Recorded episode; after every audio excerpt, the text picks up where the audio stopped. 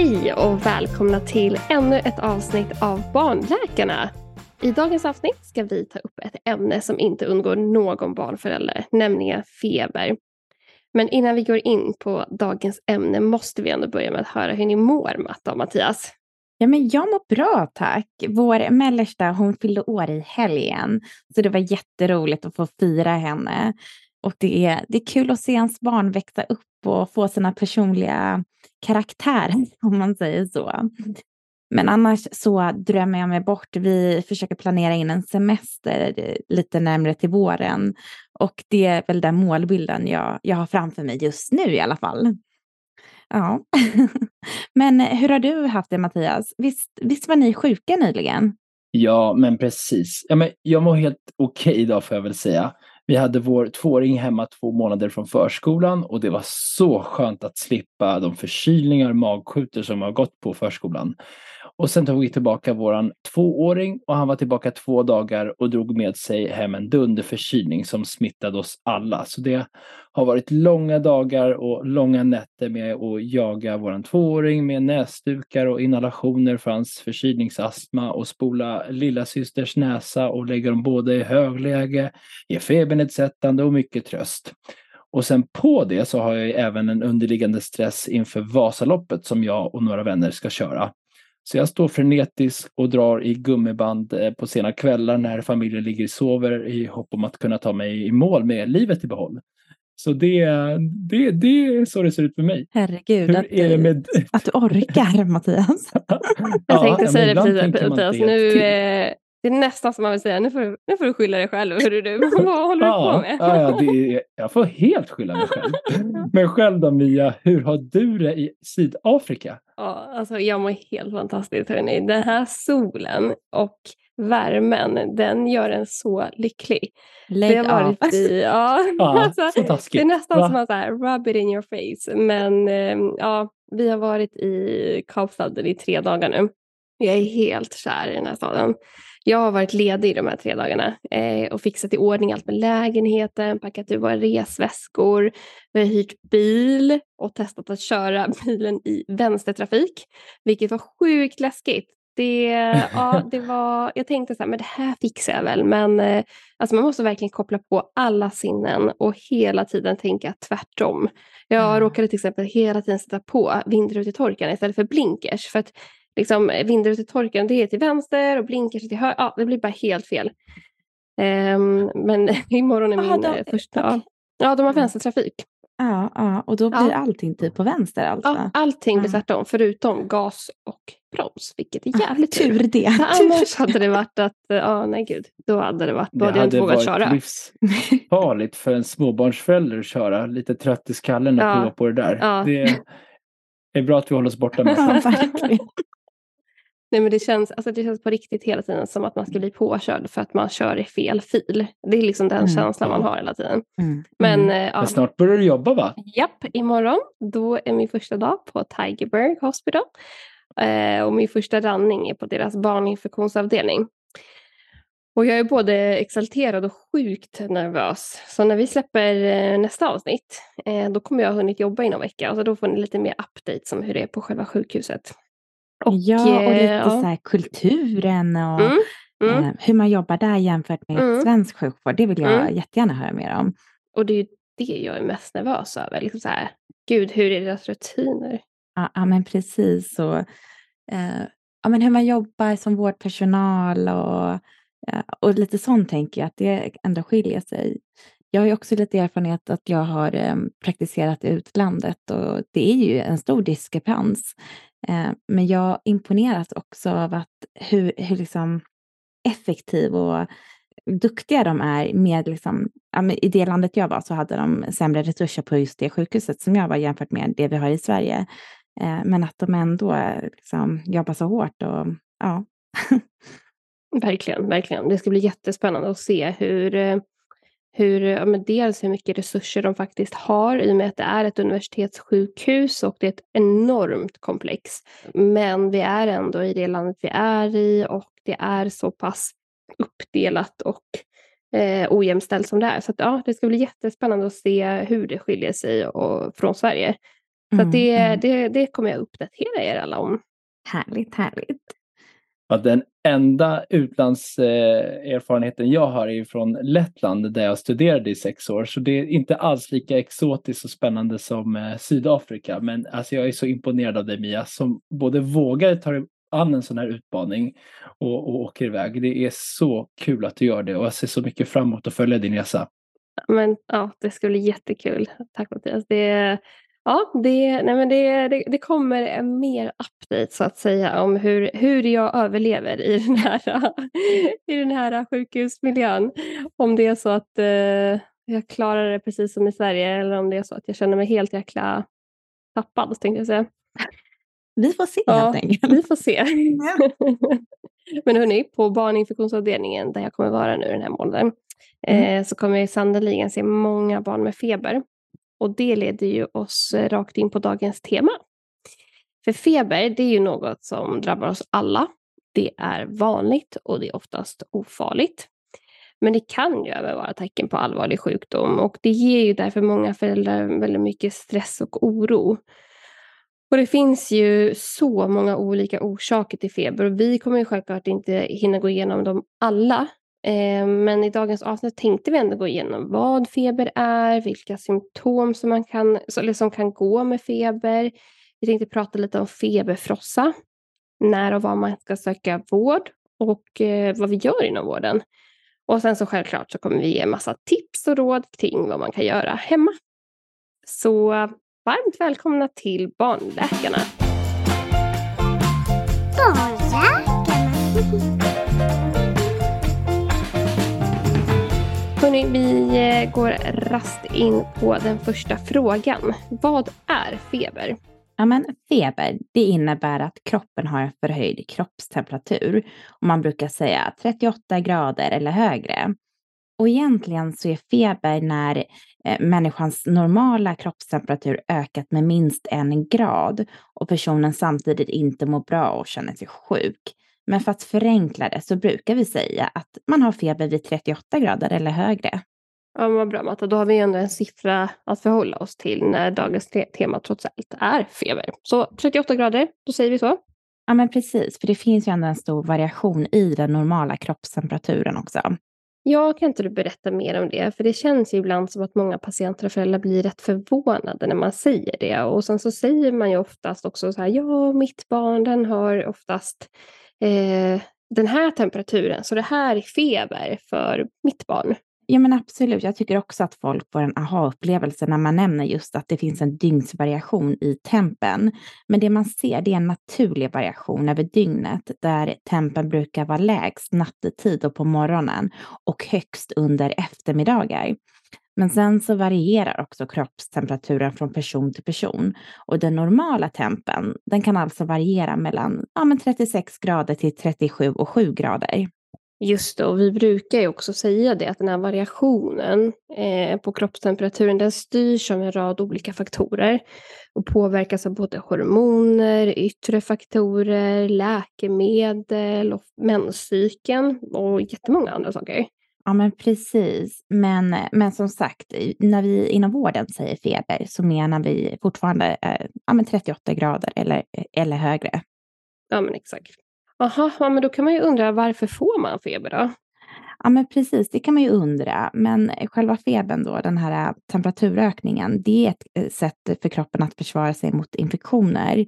För virus och bakterier förökar sig nämligen sämre när kroppstemperaturen är över 37 grader. Så när immunförsvaret utsätts för en infektion, till exempel förkylning, så kan kroppen ställa sig in på att höja kroppstemperaturen. Och jag måste få flika in redan här. Mm. För Det är en sån sak som jag tycker är så viktigt eh, att förklara för föräldrar. Att feber i sig är ju inte farligt. Utan det är ett sätt för kroppen att bekämpa infektioner. Men det som kan vara farligt är det som orsakar febern. Eh, till exempel lunginflammation, hjärnhinneinflammation och sånt som vi utreder på, eh, hos läkare och inom sjukvården. Så har man ett barn som annars mår bra, som äter okej, okay, sover och inte är smärtpåverkad så behöver man inte behandla febern.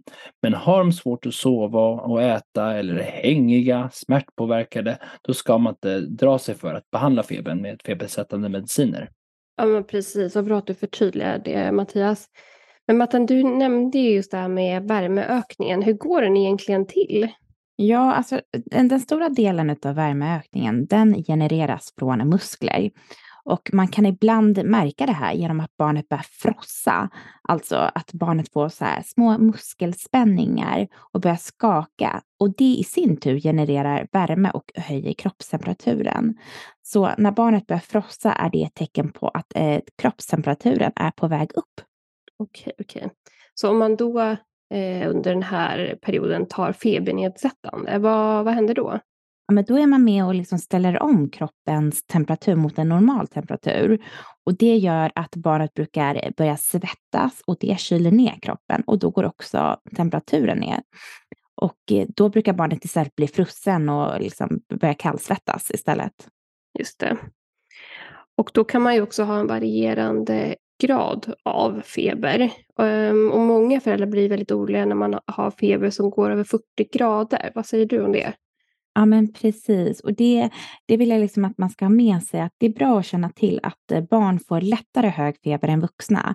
De kan få över 40 graders feber även vid en virusinfektion, såsom en förkylning. Ja, men bra förklarat. Det där är jätteviktigt, för vi får ju väldigt mycket frågor om det. Mm. Eh, och, och, väldigt många har frågat mig på, eller av, av patienter och föräldrar varför man svettas när man tar febernedsättande. Så det förklarar ju saken. Det.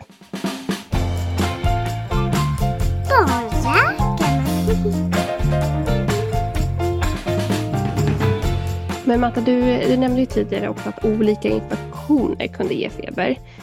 Men Mattias, kan inte du nämna några andra anledningar till feber än just infektioner? För det finns ju lite olika saker som kan ge feber. Ja, visst. Eh, infektioner är ju helt klart den vanligaste orsaken till feber. Eh, och det kan vara både virus och bakterier som eh, orsakar detta. Till exempel förkylning, magsjuka, öroninflammationer och halsfluss för att nämna några. Men man kan ju även få feber av andra orsaker som dock är betydligt mindre vanliga. Och det kan vara allt ifrån autoimmuna orsaker, alltså att immunförsvaret är överkänsligt och reagerar mot din egen kropp.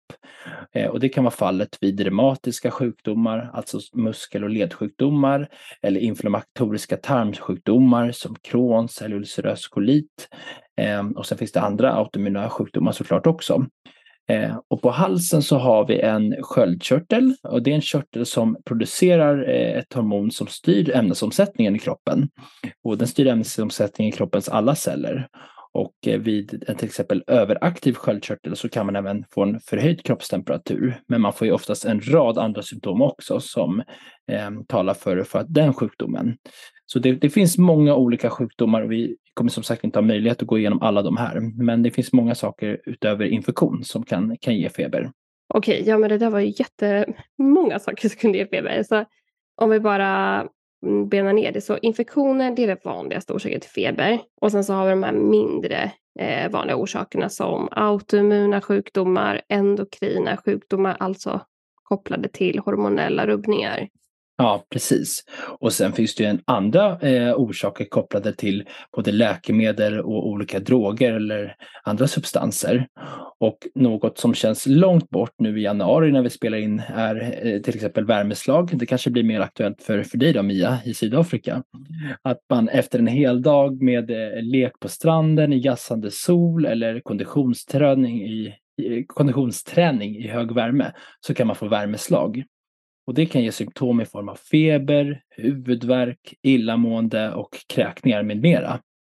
Och just för små barn och eh, eh, klart äldre personer så kan det faktiskt vara livshotande. Så det ska man ta på allvar.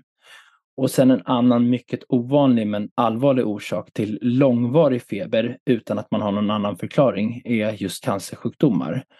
Och eh, ehm, träffar vi barn som har långvarig feber utan förklaring så tar vi prover för att utesluta både de här autoimmuna orsakerna, eh, ovanliga infektioner men även eh, cancer. Det är viktigt att man har det och liksom utreder och utesluter det. Och när vi även är inne på allvarliga orsaker så tycker jag även att det är viktigt att eh, motsatsen till dagens tema, feber, alltså hypotermi, eh, också kan vara ett tecken på infektion. Och just det, och, och för att förtydliga för våra lyssnare då eh, så är hypotermi låg kroppstemperatur, alltså under 35 grader, till skillnad från hypertermi som är förhöjd kroppstemperatur. Tack för att du hjälper mig med läkartermerna. Precis. Eh, så utöver de mer självklara orsakerna till, eh, som kan göra att man, man får låg kroppstemperatur, som till exempel kraftig nedkylning eller vid drunkningsolyckor vintertid, så, så kan även infektioner i blodbanan, det vi kallar för sepsis, kan ge hypotermin. Och det är oftast utlöst av bakterier som tar sig runt om blodomloppet och kan därför ge liksom, påverkan på eh, stora delar av kroppen och slå ut livsviktiga organ. Vid sepsis så har man ju ett mycket sjukt barn som kräver omedelbart omhändertagande. Och man ser liksom på barnet att det, det är mycket sjukt. Eh, och det är betydligt vanligare att eh, föräldrar söker akuten med sina eh, barn som haft låg temperatur i hemmet.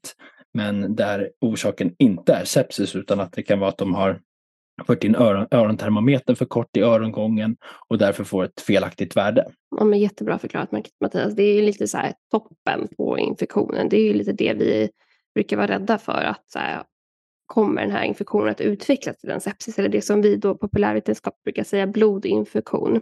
Mm. Men du, du nämnde det här med um, att man kan få en för låg temperatur när man för in örontermometern för kort i örongången. Och jag tänker ja. när vi ändå är inne på temat, kan inte du berätta hur man bäst mäter temperaturen på, på sitt barn? Jo, och vad vi är intresserade av är vad vi kallar för kärntemperaturen. Alltså temperatur inne i kroppens eh, inre, liksom omkring organ. Och det finns olika metoder att eh, kontrollera kroppstemperaturen. Eh, och just rektaltermometer, när man mäter temperaturen i ändtarmen, för in den i rumpan, det rekommenderar vi för barn under ett år. Och hos barn under tre månader så eh, brukar vi även använda eh, en, en, termometer som vi för in i armhålan och utvärderar. Men det är just för de här minsta barnen under tre månader. Så då har vi ta tagit barnen från eh, 0 till 3 månader och från 3 månader upp till 1 år. Och från ett års ålder så kan man även använda sig av en örontermometer speciellt anpassade för små barns mindre örongångar. För trumhinnan som sitter in, in, långt in i örongången längst inne, den försörjs av samma blod som omger eh, temperaturcentrumet i hjärnan. Så eh, för att kontrollera den här, så där är temperaturen ändå tillförlitlig, att man, eh, man får ett värde som motsvarar den här kärntemperaturen. Men då är det viktigt att när man använder en örontermometer att man för in den här örontermometern eh, eh in i hörselgången tills eh, eh, hörselgången sluter tätt omkring den här proben under mätningen. För annars kan man få ett falskt för lågt värde. Och man ska även försöka rikta den här probspetsen mot trumhinnan. Så hos små barn så, som har en ganska kort och rak hörselgång så får man den bara rätt in eh, och, och tar mätningen där när man känner att det tar ett motstånd, att det tar stopp. Eh, Medan hos äldre barn och vuxna så ska man gärna rikta proben lite lätt framåt. Att man kan sikta mot det motsatta ögat. Så ska du mäta tempen på höger öra så riktar du den lite riktning mot vänster öga. Eh, så man liksom får den riktningen mot eh, trumhinnan. Jag vill bara säga jätte, jättebra att du förtydligade det, just så att man får in och förstår tekniken på hur man ska föra in tempen i örat. Ja, den, man läser ju sällan innehållsförteckningar numera, så det kan vara bra att bara ha den informationen. Ja. För man kan bli väldigt oroad när man får en för låg temperatur. Mm. Eh, men som sagt, titta på barnet hur de mår också, för det är det viktigaste. Mm. Men det kan jag säga att det har jag inte heller. Jag visste inte om det där som du precis sa, där med att man kan rikta det mot eh, det motsatta ögat. Så tack, det, då lär jag också mig massor. Vad bra. Och sen kan man även få en falsk förhöjd temperatur. Och det kan vara till exempel om barnet har legat på en kudde eh, så, så, så får man oftast en förhöjd temperatur på det örat som man har mot kudden. Därför rekommenderar man att man gärna ska vänta 10 minuter innan man mäter på det örat som har eh, legat på kudden. Man kan ju även kolla på den andra sidan eh, som barnet inte legat mot. Men annars ska man gärna vänta 10 minuter innan man gör en mätning för att inte få en falsk förhöjd temperatur.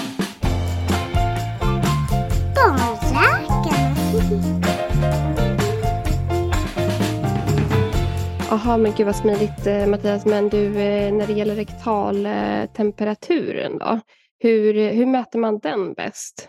Tar man en temp i rumpan så är det, rekommenderar vi att man gärna tar och smörjer Eh, med någon mjukgörande eller neutral kräm eller olja på rektaltermometern och därefter för in den eh, 2 till 3 centimeter på, på små barn och eh, 3 till 5 centimeter på tonåringar eller vuxna. Ja, Okej, okay, vad bra. Men du, de här pantermometrarna panntermometrarna som, som har blivit mer populär, populära eh, sen covid, tycker jag i alla fall. Vad, hur, hur gör man med dem och hur, hur ser vi på dem? Ja, de har man ju sett på flygplatser och olika event runt om i världen i samband med pandemin. Men jag rekommenderar inte dem då mätningen sannolikt påverkas av både termometerns placering, fuktighet av huden, mängden hudfett och omgivningens temperatur med mera. Så jag rekommenderar inte dem. Okej, okay, så för att sammanfatta då kan vi säga att alltså på barn under tre månader då eh, är det bäst att ta eh, temperaturen i armhålan på barn upp till ett års ålder så är det rektaltermometer som är smidigast. Och så på barn från ett års ålder och uppåt så gäller framförallt örontermometer.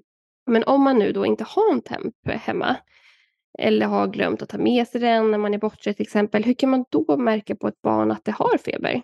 Ja, alltså oftast brukar ju föräldrarna märka av att barnet har feber innan man har tagit en temp och så, så tar man tempen och så bekräftas det att man har feber. Men då brukar ju många föräldrar först märka att barnet är lite trött och mer ledsen eller också mer missnöjt. Och så känner man sen att barnet också är varmt. Sen kan det också vara så att barnen sover mer eller mindre än vanligt och har sämre aptit och inte vill äta och dricka som den brukar göra. Och vissa barn kan också bli yra och, tillväl, eh, och bli tillfälligt förvirrade i samband med febern. Och då kan de både se, höra och känna saker som inte finns i verkligheten. Just det, Matta. Har inte du varit med om det där med dina barn tidigare? Ja, alltså första gången det hände oss så hände det på natten då, eh, för flera år sedan. Och då vaknade vår son upp och han sa att han såg och hörde saker som vi andra inte kunde uppfatta, vilket vi tyckte det var jätteläskigt att få uppleva. Ehm, och det hela, det kändes så märkligt och främmande och vi förstod ju inte först alls vad som pågick. Ehm, men sen så kände vi ju att han var varm och då fick vi en aha-upplevelse att aha, är det här det man kallar för feberyra? Så det var oh, så vi Gud. lärde oss. Ja, men det är så märkligt vad, vad bara feber kan ställa till med. Och det måste vara så läskigt första gången man, eh, man ser och hör det. Och speciellt om man inte vet om att barnet har febern. Mm, mm, verkligen. Men en annan sak man kan se hos barn med feber det är att de blir bleka och får en så kallad marmorerad hud. Där huden får ett marmormönster och man tydligare ser blodkärlen under huden. Ja men, ja, men jättebra att du nämner det. Det borde vi faktiskt lägga upp en bild på, på vår Instagram kring hur, hur, hur ser det ut när man har marmorerad hud? Ja, men det tycker jag att vi gör. Vi har ju lovat väldigt mycket bilder här i den här podden som vi inte kunnat leverera. Men den här, jag har faktiskt eh, bilder på eh, marmorerad hud. Så det, det lovar vi att lägga upp. Snyggt. Men sen tänker jag att vi också behöver prata om eh, hur vi ser, alltså hur, hur, man, hur vi skiljer och hur vi ser på feber mellan olika åldrar. För vi som jobbar med barn, eh, vi får ju se ett väldigt stort ålders, eller åldersspann med allt från eh, nyfödda eller till och med för tidigt födda och upp till 17-18-åringar som söker akuten med feber. Kan inte du bara berätta lite mer om det? Ja, men absolut. Det, det skiljer sig ju lite när det kommer en nyfödd eller en 17-åring, även om de presenterar samma symptom. Men för att ta det i rätt ordning så tänker jag att vi börjar med de allra minsta, det vill säga barnen under tre månader. De ska alltid söka sjukvård akut när eh, man ser att de har feber. Just det, och varför är det så då? Ja, men rent statistiskt så har man sett att just den, den här gruppen, när de är sådär små, då är de mer benägna att få bakteriella infektioner och det vill vi ju behandla. Och sen så är de mycket mer känsliga för uttorkning och att de kan få lågt blodsocker och då kan, det bli, då kan de bli väldigt dåliga och, och få så svårigheter med att få i sig mat också. Okej. Okay. Och eh, för de här barnen som är över tre månader då, hur, eller, men som ändå är i spädbarnsåldern, hur tänker man då? Ja, Mattias, vill du ta den frågan kanske? Ja, men visst. Om vi pratar statistiskt igen så har man ju sett från tre månaders ålder och uppåt så är det virusen som tar över och är den vanligaste orsaken till febern. Så har man ett barn som är väldigt litet, som är mellan 3 till 6 månader, men som har tydliga förkylningssymptom som hosta, snuva eh, och eh, annars inte är allmänpåverkade, så, så kan man boka ett läkarbesök via vårdcentral eller annan jouröppning mottagning som till exempel närakuten. Men har man ett barn här mellan 3 till 6 månader som är allmänpåverkat och som inte har tydliga förkylningssymptom, då ska man söka akut. Och kommer man upp till sex månader och äldre så behöver de allra flesta inte söka vård. För precis som jag nämnde tidigare så är febern i sig inte skadlig, utan det är orsaken till febern som barnet kan behöva söka vård för. Så har man ett barn som är lätt hängig men ändå äter och dricker och har energi för att leka och inte ter sig smärtpåverkad, andningspåverkad, så rekommenderar vi att man kan kontakta sin vårdcentral eller en jouröppen mottagning om barnet har feber mer än fyra dagar. Man behöver inte söka vård någon annanstans om det är stängt, och, utan man kan vänta tills den jouröppna mottagningen eller vårdcentralen öppnar. Och varför säger vi just fyra dagar då? Jo, men de flesta virusinfektioner brukar gå åt rätt håll efter fyra dagar. Men har man ingen förbättring då så kan det vara så att man har fått en bakterieinfektion eh, eller en uttorkning eller att man behöver hjälp med att optimera behandling med febernedsättande. Och nu nämnde ju du det här med bakteriell infektion. Vill, eh, vill du förklara varför det är viktigt att särskilja eh, bakteriella infektioner från virusinfektioner? Ja, eh, bakteriella infektioner, alltså infektioner orsakade av bakterier, de kan vi ju faktiskt behandla med antibiotika. Virus å andra sidan, de har vi sällan behandling mot och det, det vi brukar ha att göra med är just symptomatisk behandling. Att vi kan ge febernedsättande, vi rekommenderar vila och se till att putta på med rikligt med vätska. Och dessvärre börjar många gånger en infektion med ett förkylningsvirus som påverkar och skadar slemhinnan och gör det lättare för bakterieinfektioner eller bakterier att få fäste och frodas. Och då kan man efter en virusinfektion få en bakterieinfektion. Och det är vanligt till exempel att man kan efter en förkylning så kan man få eh, en öroninflammation. Och kommer vi sedan vidare till barn som är äldre än sex månader är det viktigt att, att titta på hur barnet ser ut, hur barnet mår och hur det beter sig. Mer än att man tittar på hur många grader som termometern visar. För både virus och bakterier kan ge temp över 40 grader, så det, det är inte ett sätt att skilja på vilken eh, typ av infektion barnet har.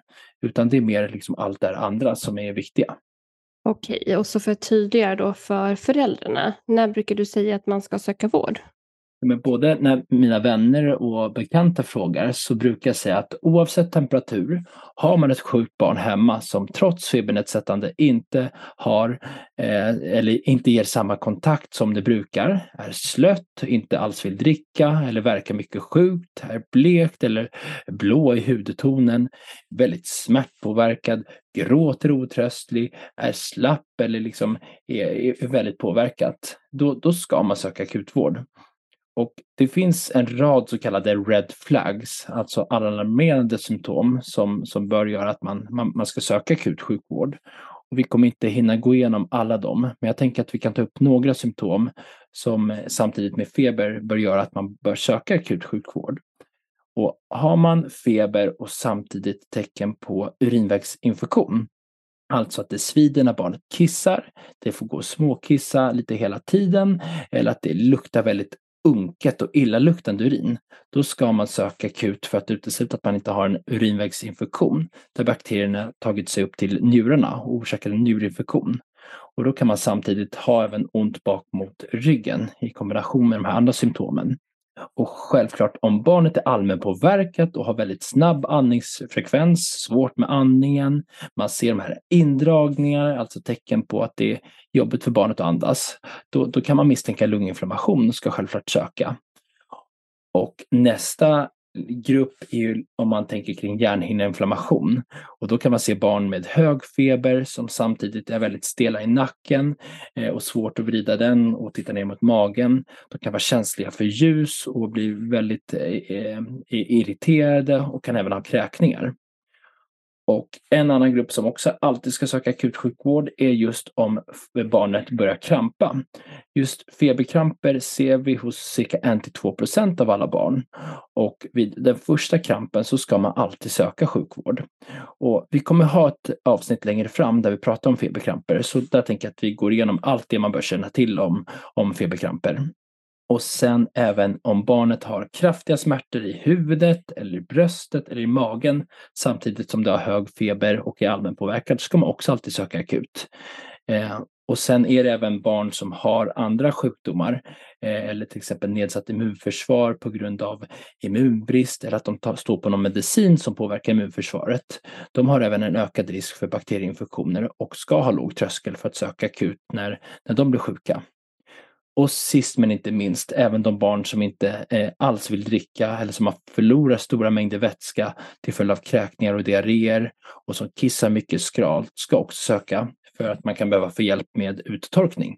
Ja, men precis. Jättebra Mattias, för det är ju eh, ganska få saker vi faktiskt kan behandla när det gäller feber. Men det är ju just de här bakteriella infektionerna som eh, eh, som ger de här mer allvarliga red flag-symptomen som vi faktiskt vill träffa och som vi vill behandla.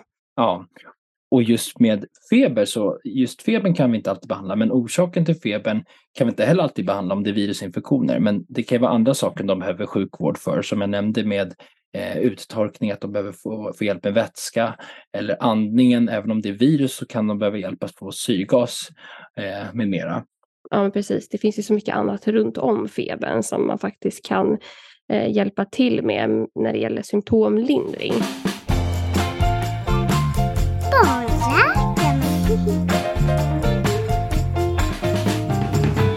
Och det leder ju oss in lite på det här med vad vi faktiskt gör inom vården. Ehm, så berätta, vad, vad händer när man söker vård för feber? Jo, eh, när man nu söker vård så vill vi ju oftast hitta en förklaring till varför har barnet fått feber. Och det är ju verkligen ett pussel där man måste samla information från både det som sägs och det man hittar när man undersöker barnet. Och ibland så behövs även blodprover och röntgenundersökningar. Och det vi gör är att vi ställer frågor för att efterhöra om det finns någon förklaring till febern eller några andra risker för en allvarlig infektion eller komplikationer som uttorkning. Och så brukar vi också fråga om det finns någon i barnets närhet som varit sjuk samtidigt och har barnet snuva, hosta eller tecken på magsjuka med kräkningar och diarréer eh, och om familjen har varit utomlands just för att liksom, eh, nysta fram ledtrådar som orsak. Och sen så gör vi också en grundlig kroppsundersökning för att se tecken till infektion och då tittar vi till exempel på rodnad i halsen. Vi tittar på ifall barnet kan ha någon öroninflammation och sen så lyssnar vi också på hjärta och lungor och sen så utvärderar vi kroppens nerver och inspekterar huden efter utslag som kan ge förklaring till febern. Och ibland så önskar vi också att få ett litet urinprov för att utesluta urinvägsinfektion. Och det är framförallt hos de här små barnen där man inte hittar någon förklaring till febern. Det vill säga man hittar inte att de, är, de, är, de har ingen röd hals, de har inga förkylningstecken eller någonting annat. Eh, men också hos äldre barn med symptom på urinvägsinfektion.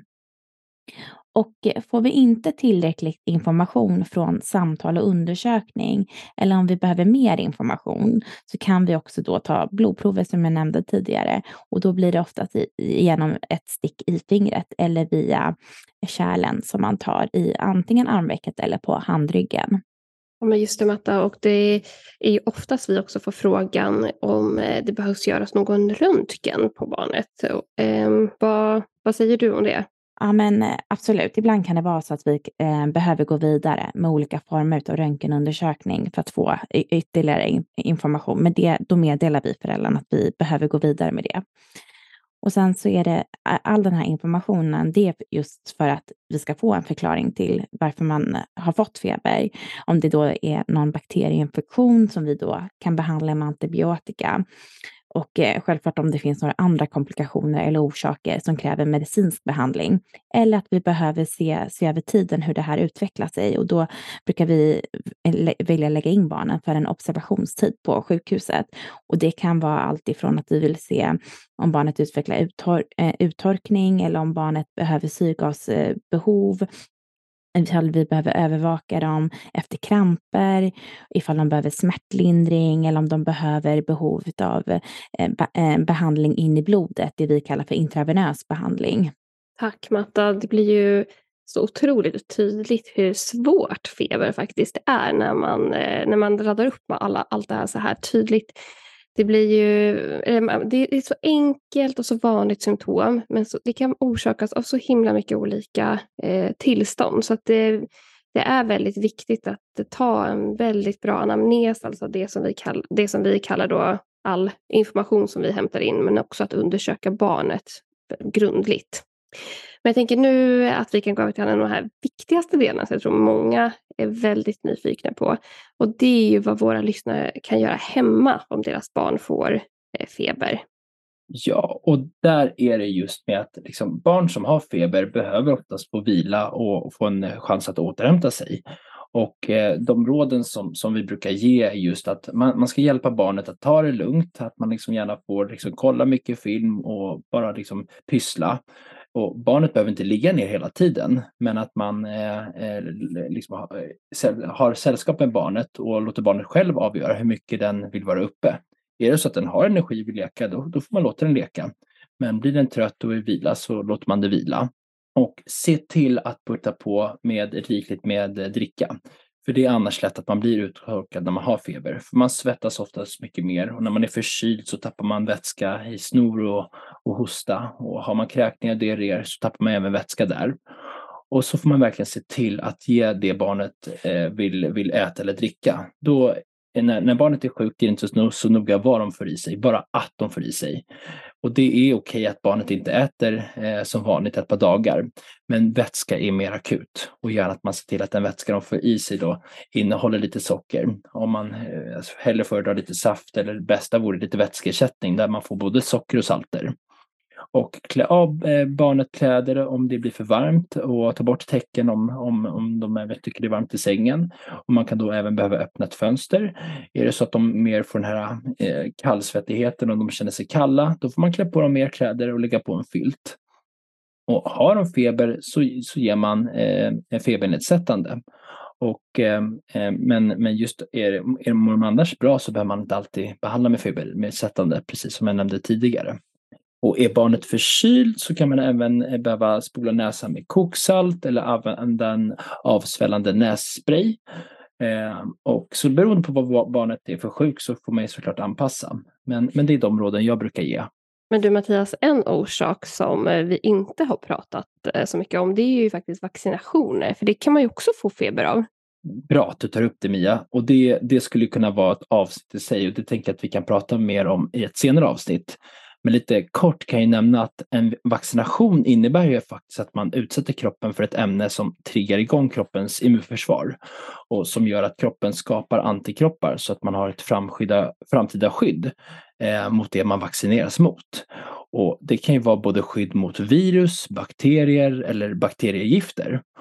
Och många av de sjukdomar som vi vaccinerar mot i det svenska vaccinationsprogrammet är virus.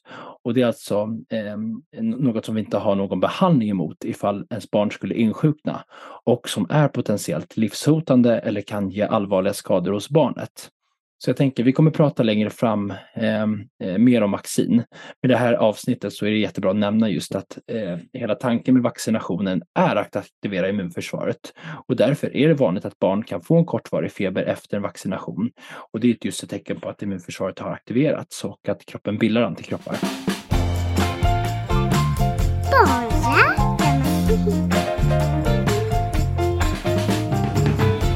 Tack Mattias. Gud vilket eh, matnyttigt avsnitt jag känner att det här blev. Vi har jättemycket bra info. Om vi då sammanfattar det så kan vi väl säga att feber kan orsakas av både infektioner och andra inflammatoriska och eh, hormonella tillstånd i kroppen. Att eh, man kan kolla tempen på bebisar både i armhålan eller i rumpan och att man på större barn oftast använder en örontermometer.